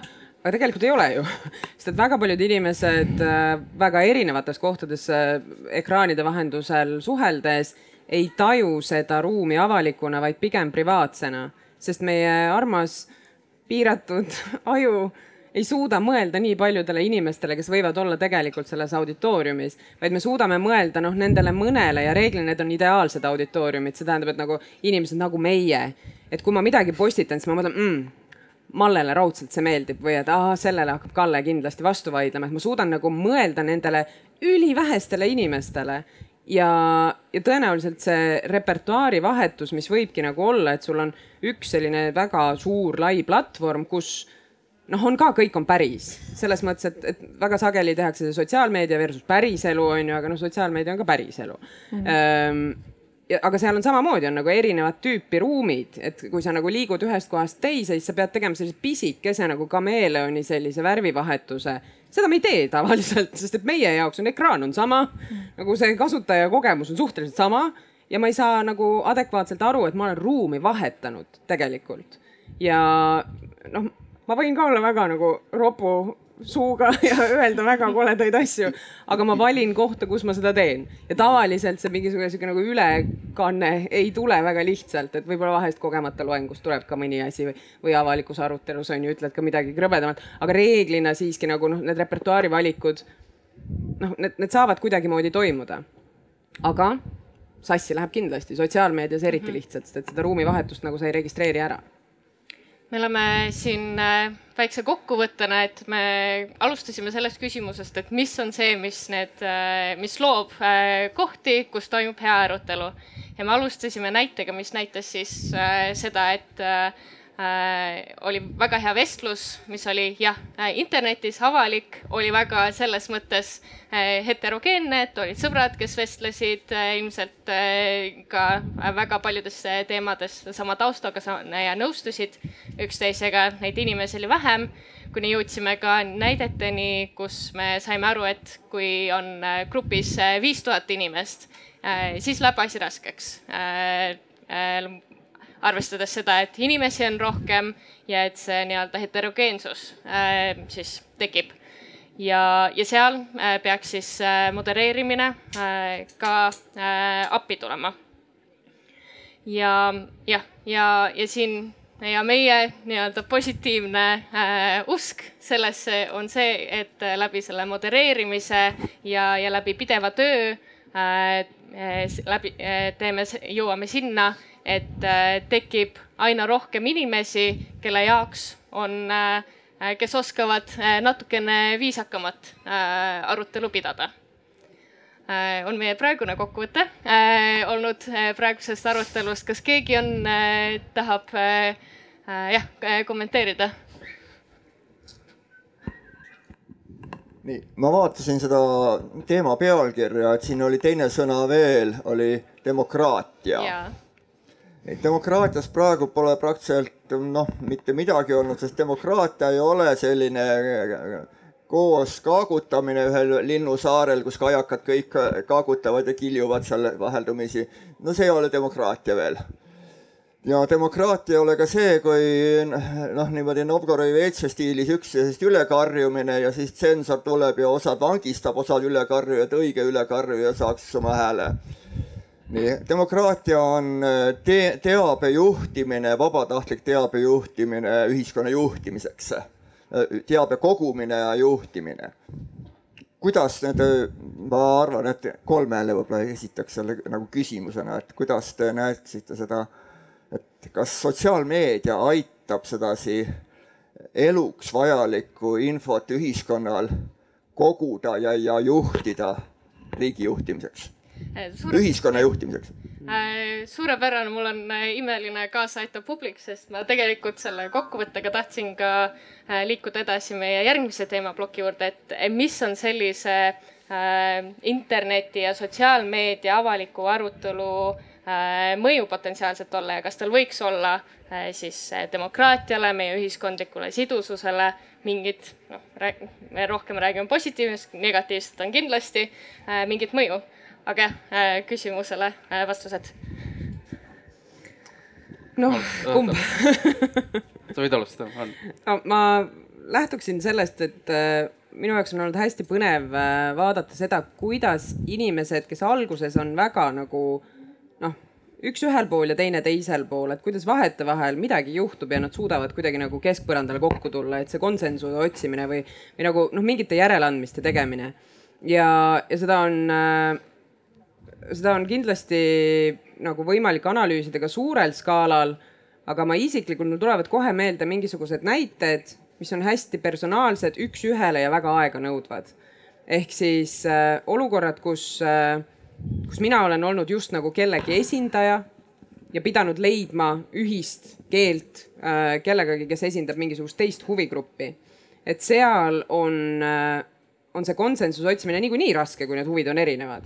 Aga teiselt poolt, kui sotsiaalmeedia vahendusel on mul võimalik iga hetk blokkida, ära minna, kinni panna, ristist sulgeda ja nagu noh, ära minna lihtsalt sellest, siis tegelikult ei pruugi seda, seda noh, üksteisele natukenegi lähemale tulekut üldse juhtudagi, sest me blokime üksteist enne ära, onju. ja, ja eriti siis, kui me võib-olla oleme mingisuguse suurema grupi esindajad, et see läheb nagu noh, makrotasandile vaikselt edasi. Et siis äh, ma ütleksin, et sotsiaalmeedia võib äh, teha palju kurja. aga teiselt poolt, kui me räägime infovahetusest, et milline info on mulle kättesaadav, ma julgeks küll öelda, et praegu on selleks vähemalt kõik eeldused olemas, et meil oleks väga palju infot, nüüd on selle sorteerimine, on see, see põhiväljakutse mm. -hmm. jah, ma mõtlen sedasama demokraatia ja avaliku arutelu seos on ju, me räägime demokraatiast, me räägime sotsiaalmeediast, järelikult me küsime, mis on nende kahe asja nagu omavaheline seos on ju, ja noh, ütleme kaks asja, mis mulle tunduvad hästi olulised, üks on see, et demokraatias on eeldus, et on võimalik kritiseerida ilma karistuseta. On ju, et, et mittedemokraatias ei ole võimalik, et Hiina valitsust kritiseerides sa võid sattuda vangi või saada surma. Demokraatlikus riigis me eeldame, et, et on võimalik kritiseerida valitsemist selle jaoks seda parandada, et nii-öelda igal inimesel on õigus seda teha. see on üks. Ja teine on see, et me eeldame, et avalikust arutelust võiksid kujuneda nii-öelda av avalik arvamus erinevate teemade osas. Ja valitsemine peaks arvesse võtma seda, mis see avalik arvamus on teemades on ju, et, et, et avaliku arutelu tulemusena on meil mingi arusaam, mis me tahame. Mingisugune kollektiivsem arusaam. Ja et see peaks omakorda mõjutama seda, mis otsuseid tehakse. Ja kui see ei mõjuta, siis me tunneme, et seal on mingi dissonants, me ütleme, et see on halb ja, ja et see ei ole demokraatlik, et noh, meid ei kuulata. Need kaks asja. nüüd selle esimese, selle kriitika osas on ju, et äh, hiljaaegu juhtus sündmus, eile, eile vist oli, kui seda äh, Salman Rushdi't äh, pussitati äh, laval on ju. et see on väga hea näide sellest, et sul on äh, Iraan on ju, kes on mittedemokraatlik riik mida ta tegi, see Salman on ju, on see, et ta kritiseeris teatud nii-öelda valitsemiskorda ja, ja, ja noh, ütleme noh, religiooni. Äh, aga noh, kuna seal on valitsemiskord ja religioon on tihedalt seotud omavahel, siis selle kriitika kriitikale vastati, on ju surmaähvardustega ja rahaga, mida makstakse inimestele selle eest, et ära tappa. ja nüüd sõna otseses mõttes rünnakuga on ju, mis või võib-olla tapab ta täiesti ära, on ju. et see on näide sellest, kuidas mittedemokraatlik äh, nii-öelda avaliku arutelu ruum käib, sa ei tohi kritiseerida mingeid asju äh,. ja kui sa teed seda, siis sa võid saada surma sõna otseses mõttes nüüd selle avaliku ja noh, ütleme nii, et, et sotsiaalmeedia mõttes, ühesõnaga okay,, lähen avaliku arvamuse juurde tagasi korra et, et selle avaliku arvamuse kujunemise eeldus on see, et me saame pidada arutelu, mille tulemusena me mitte ei lähe tülli omavahel, vaid jõuame mingi järelduseni. noh, et see avalik arvamus on järeldus vestlusest.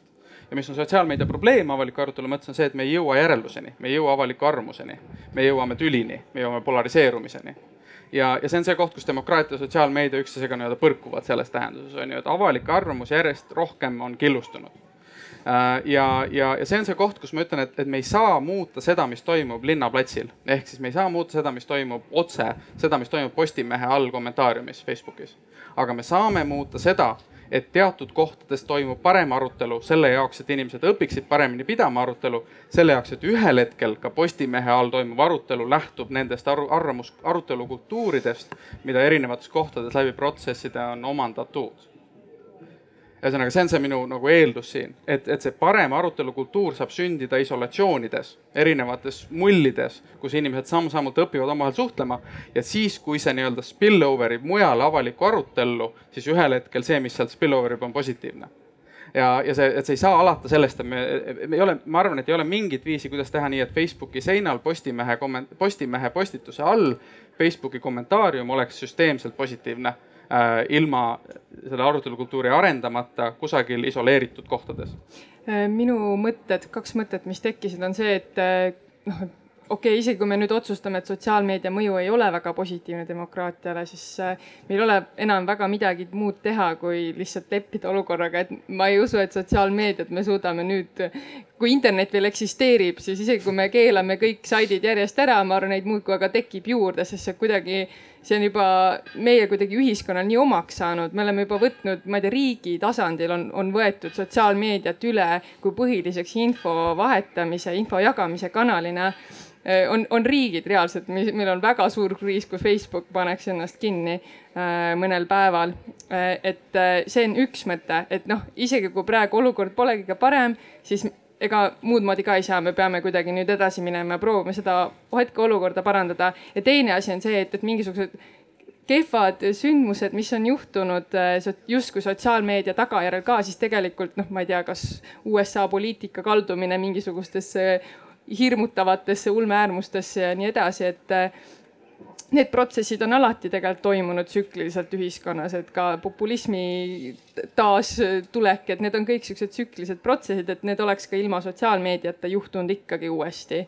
et äh, väga paljud sellised protsessid ei olegi üldse tegelikult seotud niivõrd sotsiaalmeediaga, lihtsalt see tehnoloogia ise paneb nagu sihukese võimendi taha kõigele, et me näeme seda nii tugevalt. aga ma arvan, et nüüd on ajaloos ka mingis mõttes esimest korda see nii palju andmeid selle kohta, et kuidas see juhtus. et varem oli noh, proovi pidurda seda, mida nagu eh, kaks onklit kuskil küla vahel omavahel räägivad ja mida nad seal teevad, aga nüüd on nagu andmerida on seal taga, et kus, kus see kõik ikka kerima läks, et nagu kasvõi see, et need eh, on ju kuulsad USA valimised, et, et eh, kuidas lõpuks ikkagi jälile saadi, et mida tehti ja täpselt kuidas, et seda noh me ei oleks mu muul viisil tegelikult saanudki teha. -hmm. milline Makedoonia koolipoiss äh, postitas esimesena selle valeuudise, et Hillary Clinton on tegelikult reptiil yeah. et, äh, et me suudame selle üles leida ja track ida, kuidas see läks, läks ja hävitas yeah. demokraatiat. just hirmus, see on väga hirmus tegelikult, kui mõelda sellele, et, et igast asjast on nagu jälg maas, on ju, et see on jälle noh, teistpidi mm.. ma arvan, et nagu inimesed on ju muutuvad oma, no ja täpselt millest me alustasime ka, et, et nagu rääkida niimoodi, et sa oled valmis tunnistama seda, et sa oled muutunud ja sa oled teistsugune ja sa oled midagi ümber hinnanud.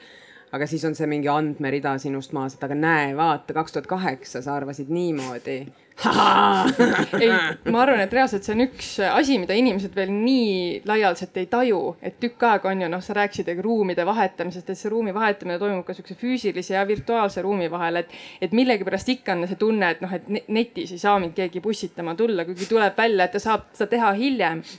Et, et äh, tegelikult ka see, et, et sotsiaalmeedia, see, milline inimene sa seal oled mida sa siis väljendad, eriti veel näha, et kogu su ajalugu jääb sinna püsti, et sa saad aru, et tegelikult sul on sotsiaalmeedia käitumisest on sinu elule päriselt otsene mõju. ma arvan, et mõjud ei ole veel iga inimese puhul päriselt ellu jõudnud, et ongi, et kas juba see, et kui äh, sinu tulevane ülemus on sind sotsiaalmeedias kohanud ja näinud, et sa oled ikka täielikku kelbast, et kas see nagu see päriselt vähendab sinu võimalusi saada head töökohta või töökohta, mida sa soovid tegelikult, et, et reaalsus on see, et see tegelikult mõjutab seda juba, aga me ei ole päris palju aru saanud, et noh, et oi, ma ei tea, äkki ei pane nime või nägu kokku, aga issand jumal eestlased, me oleme kõik oma päris nimega Facebookis, et noh, olgem ausad. aga siit tulebki see, et, et noh, me ah,. vabandust.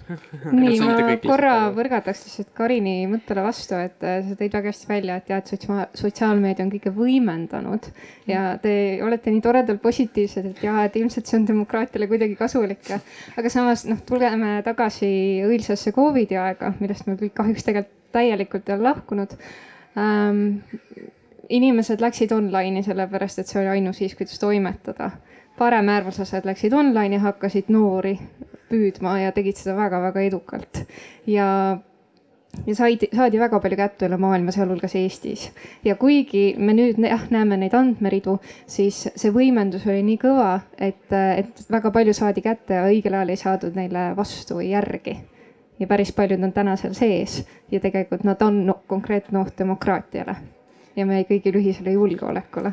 et selles mõttes jah, see on äärmuslik näide, sest ma räägin äärmuslastest ja neid on noh, tavapopulatsiooniga võrreldes päris väike arv, aga ma mõtlen just, et see, et äh, vahel need muutused, eriti nagu Covidi laines, on nii kiired, et me tagantjärgi jah, võime öelda, et me nüüd saame nendest protsessidest aru, me nüüd saime aru, kes mida mõjutas ja mängis.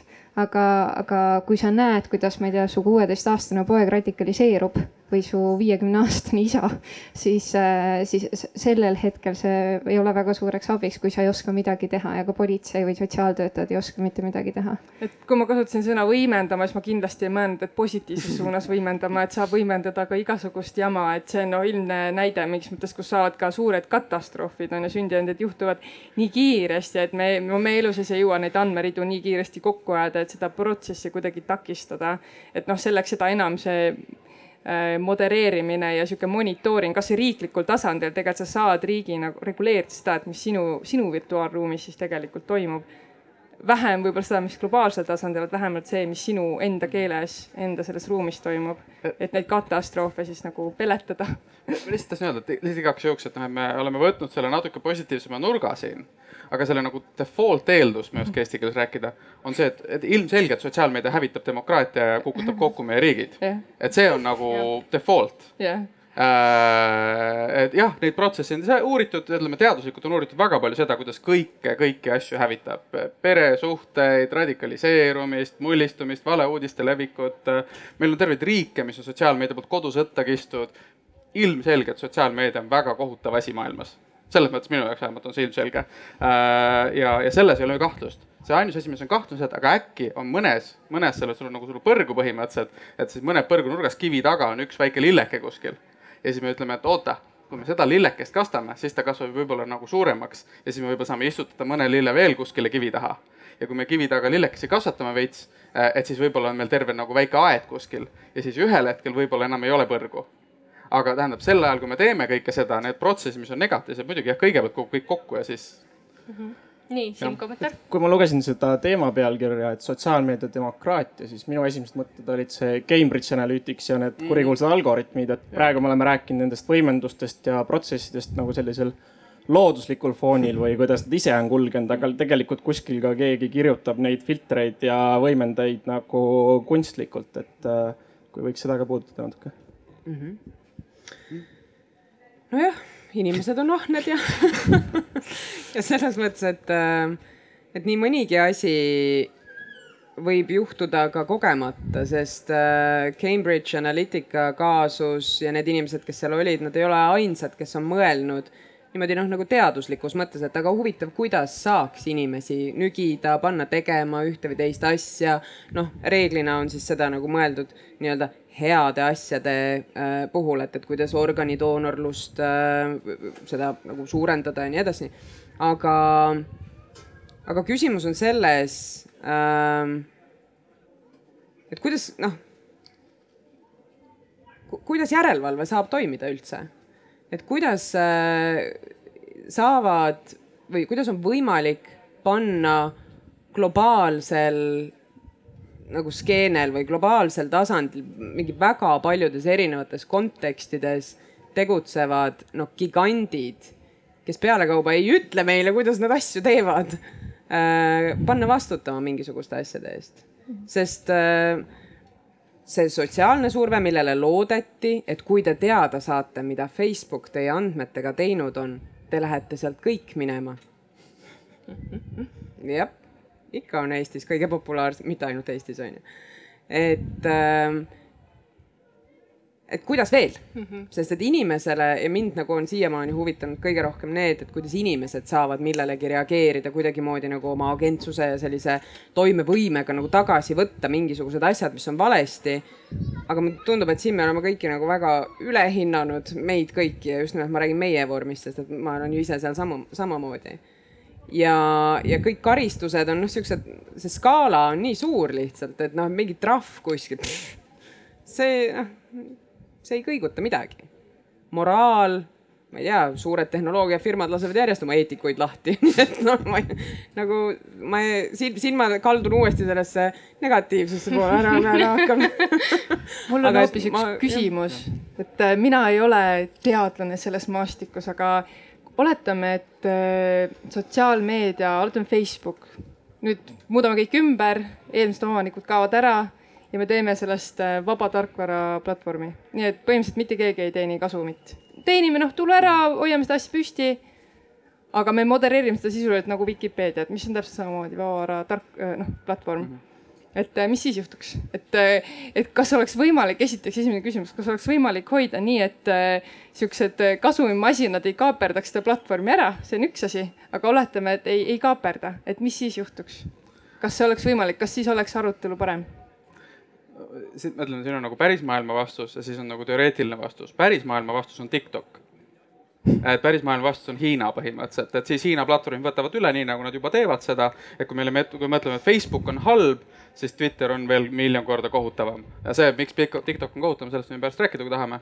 aga et noh, et selles mõttes päris maailmas, mis juhtub siis, kui lääneriigid modereerivad omaenda korporatsioone, kes peavad sotsiaalmeediaplatvorme, on see, et need sotsiaalmeediaplatvormid kaotavad kapitalistlikus võitluses, jäävad turul alla ja neid domineeritakse üle nende riikide platvormide poolt, kus ei ole demokraatiat ja kus meil on veel vähem kontrolli ja siis on veel halvemini aga.... ja sinna me juba liigume väga kiiresti aga oletame, et äh, see vaba tarkvara platvorm ongi see, et sa müüd selle inimestele maha, nii et seal ei ole reklaame ja keegi ei mõjuta sind ja keegi ei korja sinu andmeid sinult ära no Vikipeediaski käivad ju väga vihased sõjad, ma ei tea, kui paljud teist on aretanud endas, arendanud välja selle kombe, et lähete vaatate seda arutelu lehekülge ka, sest et seal toimub huh, väga põnevaid asju vahetevahel. et äh, ma, aga praegu Vikipeedia puhul on lihtsalt see osaluse määr, see aktiivne osaleja, neid on nii vähe, on ju, et see on, see on tõesti, see on nagu üks elitaarne punt, kes äh, süsteemselt ja pidevalt äh, loob seal midagi ja, ja ka modereerib. Ähm, samas nagu sotsiaalmeedia oma praeguses sellises, las ma räägin sulle, mis ma asjast arvan või noh, las ma ütlen lihtsalt midagi kaasa. Äh, see on hoopis teine loogika ja mul jookseb nagu juhe jumala kokku selle peale, kui ma üritan mõelda, et kui Facebook oleks nagu Vikipeedia. või noh, nagu vaba vara. kui meil oleks, kui meil oleks nagu maailmavalitsus, mis no kontrolliks kõike ja suudaks reguleerida sotsiaalmeediat nii, et ükski sotsiaalmeedia platvorm ei tohi teha Tiktoki ega tänast Facebooki, ei tohi, noh, ütleme, ma korra vastan selle Cambridge Analytica peale ka, et see ei ole tegelikult selleks, et nii-öelda, et need meetodid ei ole välja arendatud selleks, et mingit head asja propageerida, need meetodid on mõeldud selle jaoks välja, et sulle uut autot müüa. turundusmehhanismidega välja töötatud ja siis avastatud, oot, aga need töötavad ka poliitikas. väga hea, kasutame. ühesõnaga, aga see tulles tagasi sealt, ütleme, et me suudame reguleerida kõik selle ära ja suudame luua sotsiaalmeediaplatvormi, mis on nagu positiivne, siis A on küsimus, kas üldse nagu emotsionaalselt töötaks, kas inimesed viitsiks seda kasutada, ma arvan, vastus paljude erinevate eksperimentide peale on see, et ei viitsiks eriti.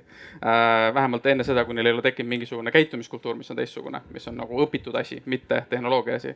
ja B, mis on siin nagu eelduste küsimus, see, kas see tehnoloogia, kas see nii-öelda sotsiaalmeedia, kas ta lihtsalt võimendab olemuslikke asju ehk et ta on neutraalne olemuslikult ja ta lihtsalt võimendab seda, mis on või ta tegelikult muudab käitumist ja mina olen seda meelt, et tehnoloogia ei ole tegelikult kunagi päriselt neutraalne sotsiaalne, et iga erinev tehnoloogiline lahendus, ta tegelikult mõjutab ka käitumise sisu, et ta muudab, kuidas me käitume, mitte lihtsalt ei võimenda olemasolevat käitumist. et selles mõttes vastus, ma arvan, et põhimõtteliselt võiks olla jah, kui me selle häkiks ära, et on emotsionaalselt engaging, samamoodi nagu kassipiltide vaatamine ja siis samal ajal väga läbimõeldud, kuidas see arutelu käib, aga see ei ole võimalik selles mõttes puht praktilises maailmas, see, me kõik, see on nagu põhimõtteliselt võimatu. noh, alustas vastusest Hiina ja noh, sealt edasi kõik muu. Aga tähendab, võib-olla keegi teine arvab teistmoodi. mm.. ja ma tahtsin äh, nüüd äh, meil on äh, viimane nii-öelda kolmandik sellest äh, arutelust äh, käsil. Ja, ja, ja sujuvalt me jõudsime ka täpselt äh, selle teemani, mida ma jälle tahtsin arutada.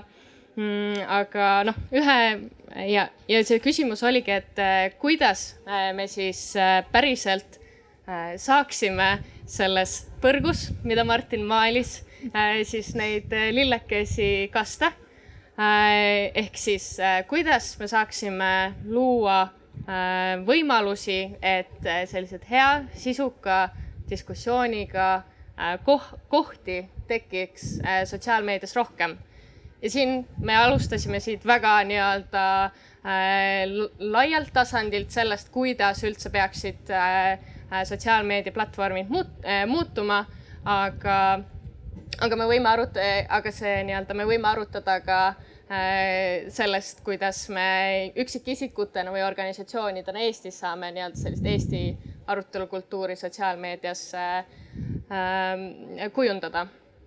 ja ma ei lase jälle enne teil vastata, vaid küsiks, kas publikul on mõtteid, mis peaks muutuma selleks?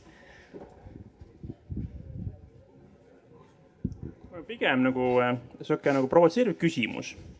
ja ma olen tähele pannud, seda on üks raamat ka tõestab, mida ma praegu loen, et, et nagu need inimesed, kes sotsiaalmeedias üritavad nagu argumentidega vaielda, on nagu pigem nagu noh, liberaalid, vasakpoolsed ja, ja nad väga tihti nagu ei tee nagu päris, päris tööd. Äh, ja just nagu kipuvad nagu sellesse vaidlemisse nagu kinni jääma. et, et mind nagu pigem nagu, nagu huvitab see nagu aspekt, et nagu see on nagu poliitiliselt nagu see ei ole nagu võrdne. et nagu paljud nagu konservatiivid või rahvuslased, mis iganes, aga teevad midagi nagu päris maailmas ka rohkem veel. ja see on eriti nagu USA-s nagu väga selge, just nagu Twitteri ja muude asjade nagu näitel. et nagu kas see on ka asi, mida kuidagimoodi nagu saaks suunata kuidagi paremaks no see on ikka tõesti intrigeeriv ma just vastaks ei, aga kui keegi tahab midagi muud vastata. viskab pommi ja läheb aga äkki sa tahad vastata midagi muud kui ei?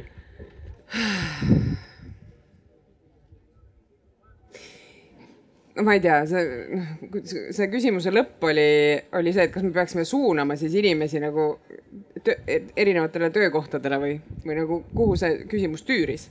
Äh, sest küsimus sellest, mida me teeme ja, ja kuidas me sotsiaalmeedias suhtleme, no selle vahele küll ei saa vist tõmmata nagu sellist väga selget piiri, et näe, konservatiivid teevad niimoodi ja, ja liberaalid teevad niimoodi ähm,.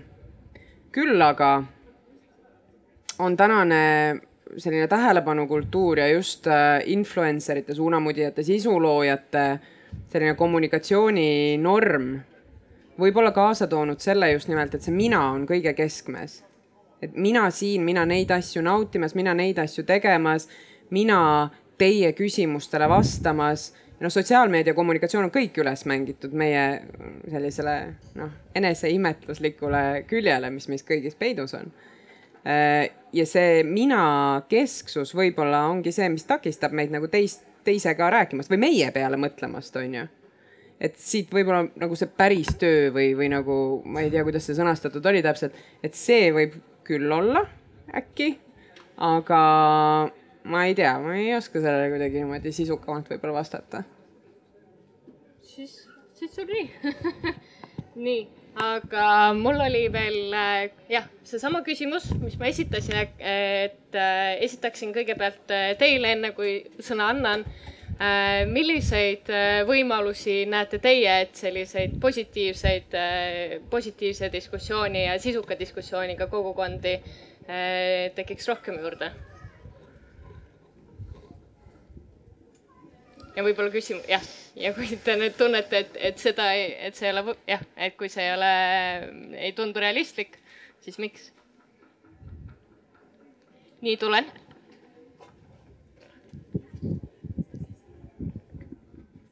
oleks lihtsalt küsinud sellist nagu üldhariduskooli rolli, et eks, eks selline arukas ühiskondlik arutelu, seda õpitakse ka koolis, et kuidas teie näete, et just selle sotsiaalmeedia osas, mis kool peaks tegema ja õpetajad peaksid tegema või, või kuidas seda arendada kooli kaudu hmm.?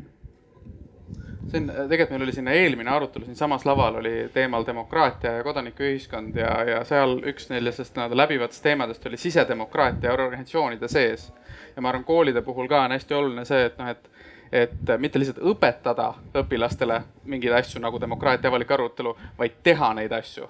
ja need peaks olema nagu päris asjad, ehk siis, et kui me päriselt õpilased arutavad midagi, jõuavad avaliku arvamuseni kooli kontekstis, et see siis mõjutab seda, mis päriselt koolis tehakse, otsustatakse tähtsa asja kohta, mis koolis on tähtis.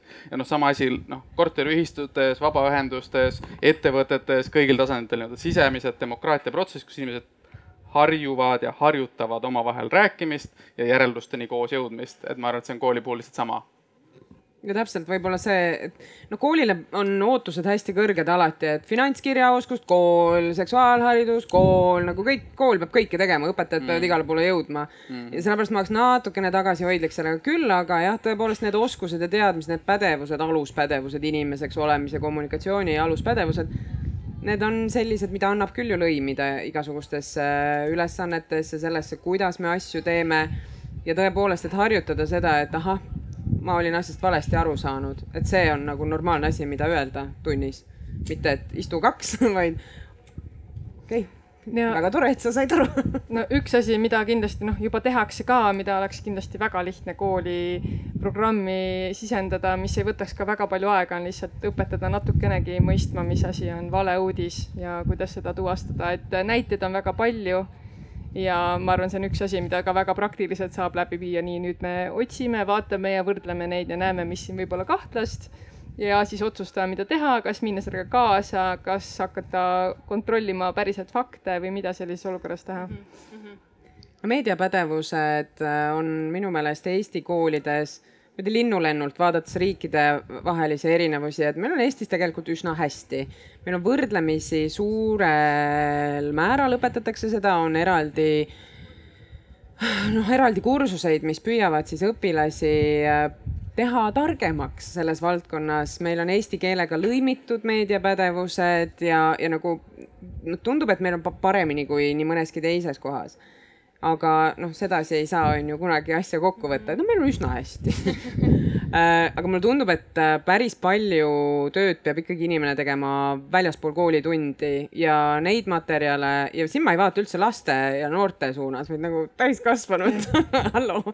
Äh, on päris palju erinevaid veebikursuseid ka eesti keeles, mis on just nimelt sellele pühendatud, et kuidas kontrollida, kuidas nagu noh, päriselt, sest meil räägitakse kogu aeg, kontrolli oma fakte, mhm. tõenduspõhisus. aga et kuidas siis, mhm. et kui ma nagu saan mingisuguse infokillu, mis ma teen siis sellega?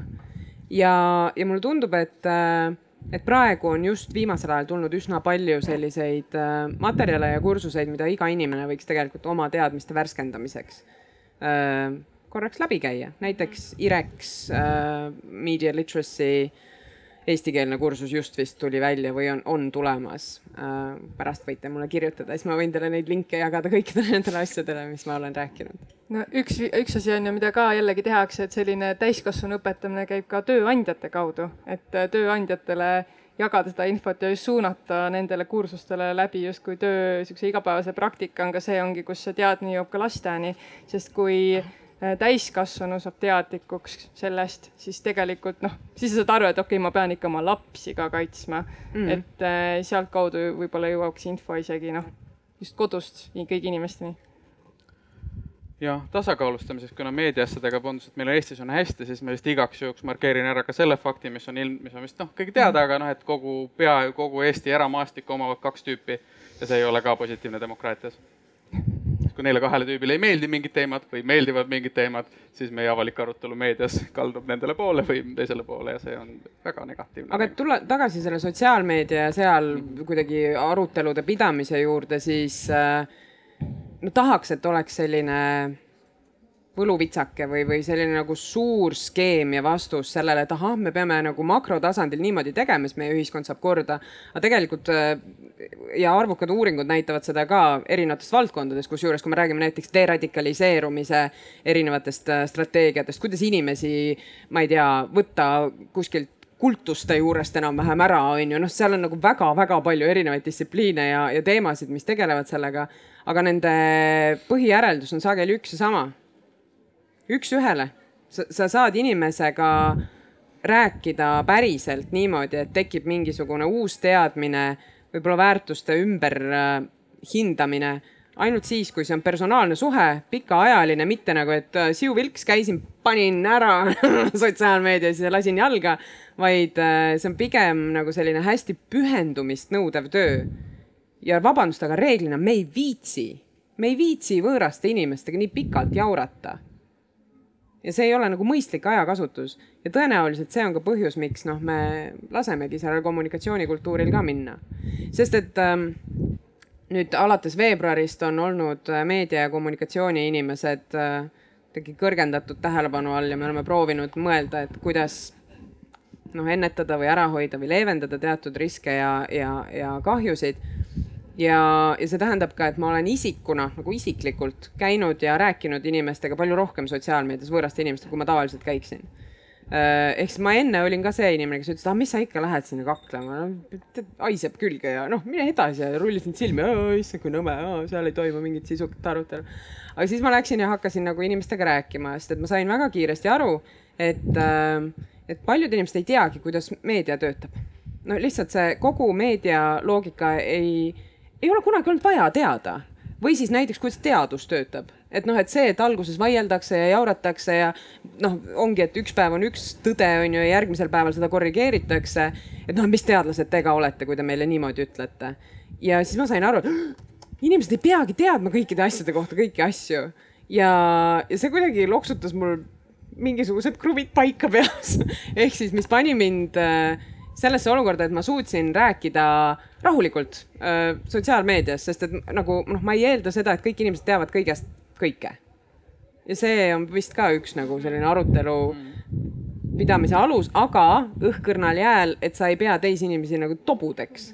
Et sa ei lähe nagu oh, pluti, pluti, tupsu, nunnu, vaid noh, et sa lähed nagu austusega inimese juurde, aga lihtsalt saad aru, et ta on väga tugev keemias, aga mitte meedias. Ja see on okei. okay ma tahtsin äh, siin, äh, ma tean, et äh, Karinil on väga head näited selle kohta, kuidas teie keskkonnasäästjate grupis päriselt nagu selline te tegeletaksegi inimestega üks-ühele, et võid jagada?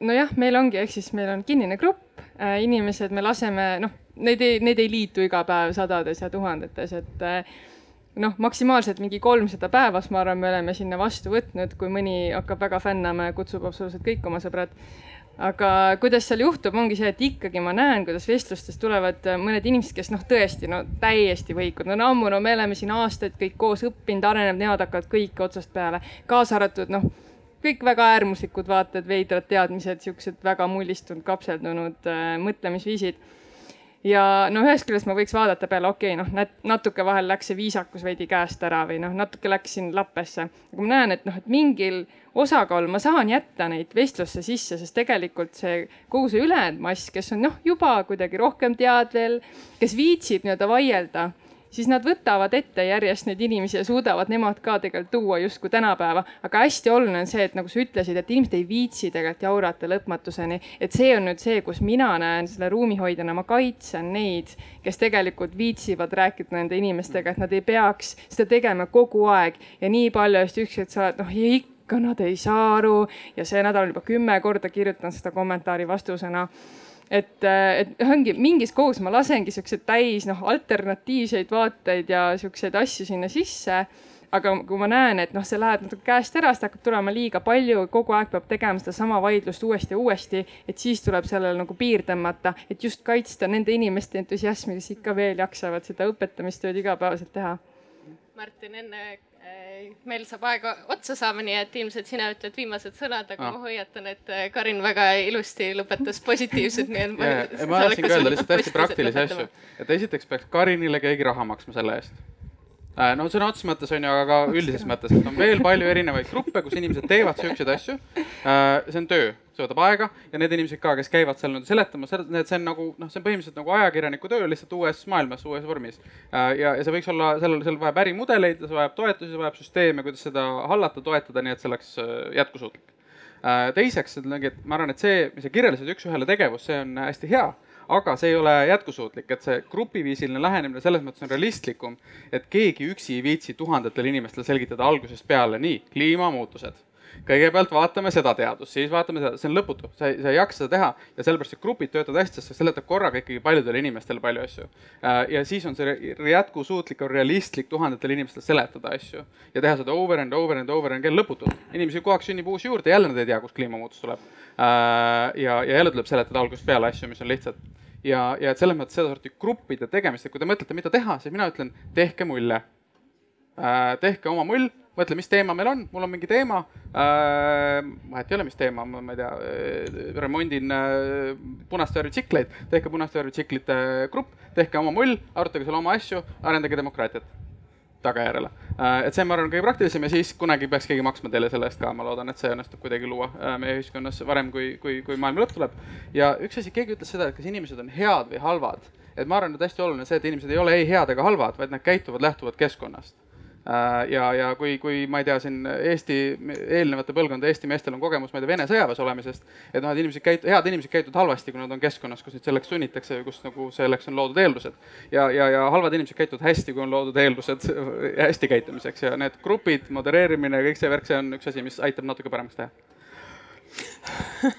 ma ütleks Nii, ühe, ühe positiivse noodi veel, veel lisaks, et nagu Martin ütles, et mulle peaks raha maksma, ma olen ikkagi tegelikult nõus sellega ja ma noh, ma, kui ma ütleks nüüd ühe asja, siis ma teeniks rohkem, aga ma ütlen nüüd asja, mille pärast ma teeniks vähem, on see, et see on uskumatu, kui vähe ma tegelikult pean aega panema sellesse, et seda gruppi modereerida, ma teen seda heal juhul mingi viis kuni kümme minutit nädalas mm. ja ma unustan kogu aeg ära, et see grupp mul üldse on. Ja kogu aeg, kui ma sinna tagasi lähen, mingi olukord tuleb, ah jah, juba lahendatud. Et äh, tegelikult nüüd, kui see on keskkond kuidagi hästi loodud, hästi hoitud, nii et sul on noh, et igaüks seal grupist nagu modereerib seda kümme minutit päevas on või kümme minutit nädalas, see kõik toimib nagu omaette süsteemina, et ma ütlen, mina olen noh see ainult kasvab, kasvab, seal on, ma ei tea, üle nelja tuhande inimese juba. Ja ma ikka ütlen, et ma ei ole kordagi pidanud hakkama nüüd rohkem modereerima järsku. Vahel tuleb suur kriis, lahendame ära ja siis on jälle tükk aega rahu majas. vot see ongi see käegakatsutamatu asi nimega kultuur et see ongi see nii-öelda arutelu kultuur, mis tekib ühel hetkel sinna sisse, saab tekkida ainult selles kaitstud keskkonnas ja see ei teki kunagi, no jällegi, see ei teki kunagi Kaja Kallase Facebooki lehel. aga seal tekib ja, ja siis tekitame veel. ma arvan, et see oli väga ilus, positiivne lõpp meie äh, arutelule ja aitäh äh, teile, kes te kaasa kuulasite, kaasa mõtlesite ja küsisite Eh, minul, minul tavaliselt on see, et, eh, et kui ikka moderaatoril on igav, siis on halb arutelu, aga mul oli väga põnev äh, arutelu ja, ja aitäh ka Martinile, Mariale ja Karinile selle väga äh, toreda vestluse eest. vot, aitäh. selge see, et ega tunti kõike teha.